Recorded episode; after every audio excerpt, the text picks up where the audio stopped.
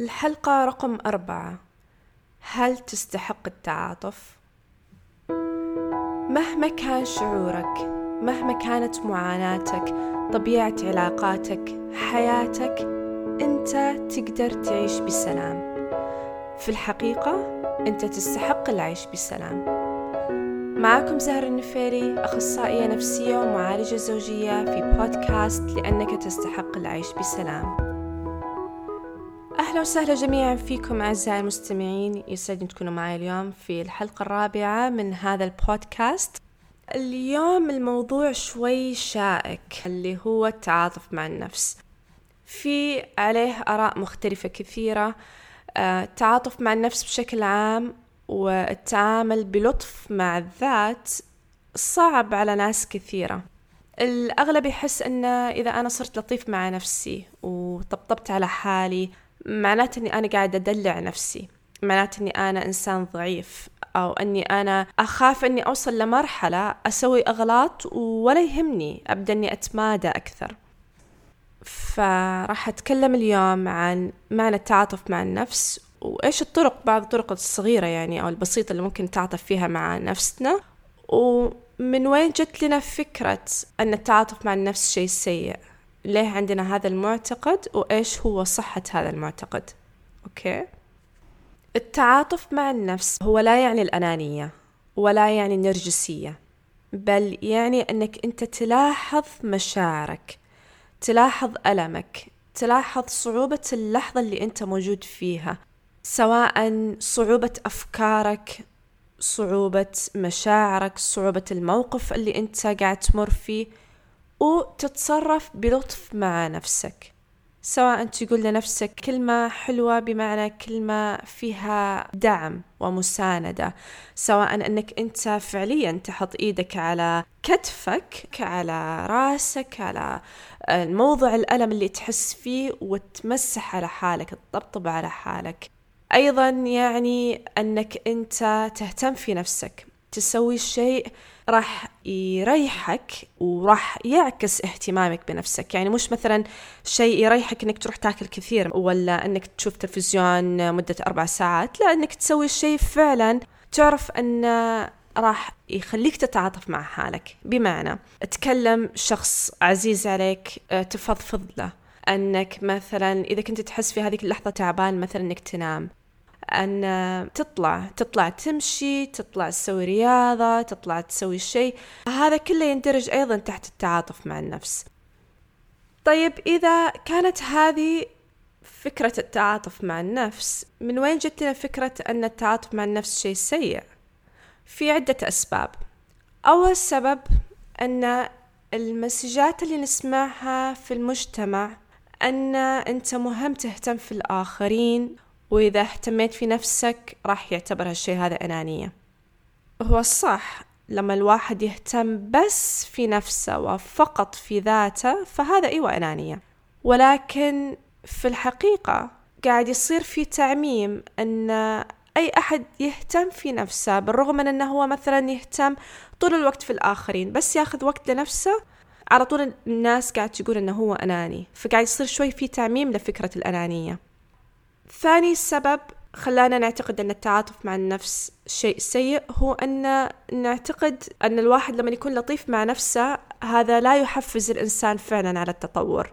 وهذه ممكن رسالة أخذناها من من أيام الطفولة. لما مثلا الطفل يطيح ويصيح إيش الأغلب يسوون؟ على طول يجون يقولون لا لا لا تصيح. أنت قوي. يلا قوم قوم قوم ألعب. يلا يلا الأقوياء ما يصيحون. أنت كبير. إيش اللي نفهمه لما نكبر؟ أن ما ينفع أصير لطيف مع نفسي وأطبطب على حالي لما أتألم لأن هذا ضعف أو أن هذا بيأخرني إني أنا أقوم بسرعة وأتقدم. في فكرة كمجتمع وما أتوقع بس مجتمعنا هي في المجتمعات بشكل عام أن إذا طبطبنا على شخص كان زعلان مثلا أو كان في وضع متألم أو في لحظة معاناة نخاف إذا طبطبنا عليه معناته أنه هو راح يعلق في حزنه راح يصير زعلان طول حياته. فنتفادى هالشيء ونحاول نطلع الإنسان على طول من زعله ومن اللي هو يحس فيه علشان أن يعني حرصا عليه وخوفا عليه. مثال آخر في وقت الطفولة إيش أسلوب التربية لأهالي كثيرة لما أطفالهم يخطئون؟ هو عقاب الطفل علشان طبعا يتعلم أن اللي سواه خطأ وما يعيد الخطأ مرة ثانية. والعقاب مش شرط أنه يكون بس ضربة وعصبية أحيانا حتى إظهار خيبة الأمل أو أن الواحد يقول كلمات مثل أنت خليت ماما تزعل أو خليت بابا يعصب أو أنت خطأ أنت ما تفهم. أحيانا العقاب يكون أن نحقر الطفل وما نتكلم معاه. وكل هذا أجين بهدف إيش؟ أنه يتعلم أن اللي سواه خطأ أو اللي فعله كان سيء وما يرجع يسوي الخطأ مرة ثانية. بس الأطفال يأخذونها بطريقة أخرى. يأخذونها بطريقة أني أنا خطأ. أنا إنسان سيء. ويبدأ طبعا الإنسان يدخل في دائرة شعور الذنب والعار. وأن الإنسان السيء لا يستحق التعاطف صح؟ يبدأ الواحد إذا سوى شيء خطأ يحس أن أنا لازم أني أنا أنتقد ذاتي ولازم أعاقب نفسي وما أتعاطف مع نفسي مهما كان خطأي مبرر مثلا أو كان خطأي يعني في أخطاء مهما يعني مش مبررة بس نتفهمها على الأقل. مهما كنت أنا فاهم السبب أني سويت هذا الخطأ سواء كان كبير أو صغير ما أحس أني أنا أستحق التعاطف. ولازم أنبذ نفسي وأكره نفسي بسبب هالشيء. علشان أني أنا أحفز حالي أني ما أعيد الخطأ مرة ثانية هذه كلها أساليب ومعتقدات موجودة في المجتمعات خلت التعاطف مع النفس شيء صعب طيب إيش هي الحقيقة؟ حقيقة التعاطف مع النفس هل فعلا لازم أكون قاسي مع نفسي لما أخطأ علشان أحفز نفسي لعدم تكرار الخطأ؟ وهل صحيح أن تعتبر أنانية لما أكون لطيف مع نفسي؟ وهل صحيح أن نفسي تتمادى وتفسد إذا صرت لطيف معاها؟ خلينا نشوف الدراسات إيش تقول؟ في دراسات طلعت بشكل جدا جدا ضخم عن التعاطف مع النفس واللطف مع النفس وضحت هذه الدراسات أن التعاطف مع النفس يزيد من المرونة النفسية ومن نجاح وإنجازات الشخص وثقته في نفسه وتحسن النوم والأداء اليومي وتقلل من احتمالية الإصابة بالأمراض النفسية والجسدية وتحسن العلاقات الاجتماعية. واللي لسه مش مقتنع أن التعاطف مع النفس ومساندتها بلطف أفضل من النقد الذاتي وعقاب النفس خلينا نشوف هذا المثال بشكل سريع. تخيل أن أنت عندك حصان. تستخدمه يوميا يشيل لك أغراض يوديك لين السوق تشتري أغراض وترجع. فيك أنك تستخدم طريقتين لتحفيزه علشان يمشي. الطريقة الأولى أنك تضربه وتسبسب فيه ويلا امشي وإنت ما تفهم يلا اسرع. أو الطريقة الثانية أنك تعطيه جزرة بين كل كم خطوة وتقول له أنت حصان كويس يلا حصاني خلينا نمشي. في الحالتين الحصان بيسمع كلامك وبيمشي لكن الطريقة الأولى بيكون عندك حصان تعبان جسديا ونفسيا وممكن أصلا يتمرد عليك مع الوقت. والطريقة الثانية بيصير عندك حصان مبسوط وفخور في نفسه ومع الوقت ممكن يتحمس يسوي أكثر. فنفس الطريقة مع نفسك. سبحان الله القبول بشكل عام هو اللي يخلينا منجزين. طيب في ناس تقول أن النقد الذاتي مستمر معاي حتى إذا أنا ما كنت أبغاه. ماني قادرة أتعاطف مع نفسي. لسه عقلي ينتقدني لسه عقلي يقول لي أنت فاشل أنت ما تفهم. لسه عقلي يذكرني في الماضي في أخطاء الماضي اللي أنا عملتها. لسه قاعد يخليني أقلق على المستقبل وكيف أني أنا ما أخطأ كيف أني أنا ما أكرر اللي أنا قاعد أسويه. وهذه فعلا واحدة من خصائص العقل. سبحان الله العقل كل هذه الطرق اللي هو يستخدمها هو علشان يحمينا. مهمة العقل هو حماية الإنسان.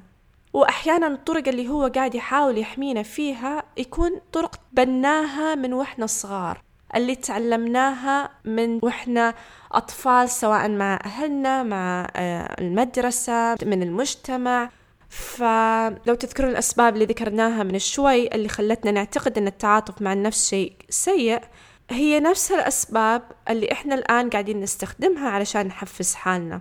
إحنا ما تعلمنا أن أن نكون لطيفين مع ذاتنا ومع أنفسنا شيء أساسي من تحفيز النفس أو شيء مهم للصحة النفسية والجسدية حقتنا. إحنا تعلمنا العكس. إذا إحنا نعرف أن هذه طبيعة العقل أوكي؟ والنقد الذاتي دائما راح يستمر. ويقول لنا أنت ما تستحق التعاطف. أنت إنسان سيء. وأنك أنت لازم ما تخطأ ولازم دائما تنتبه. ولا تهتم في حالك أو تصير لطيف مع حالك لأن هذا ضعف أو هذه أنانية. إذا إحنا نعرف أن هذه طبيعة العقل هل خلاص نصدق كلامه ولا نصير لطيفين ومتعاطفين مع أنفسنا؟ هل نصير إحنا برضو قاسين ونزيد عيار النقد علينا؟ هل هذا كويس يكون تركيزنا في الحياة؟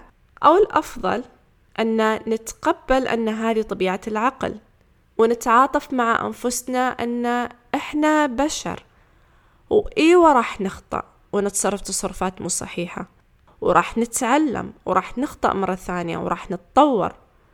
ونتقبل أن جزء من الحياة البشرية أن عقلنا راح يتكلم معانا دايما ويجيب لنا هذه الأفكار والمشاعر وأن مش لازم عقلنا يقول لنا اهتم في نفسك عشان اهتم في نفسي.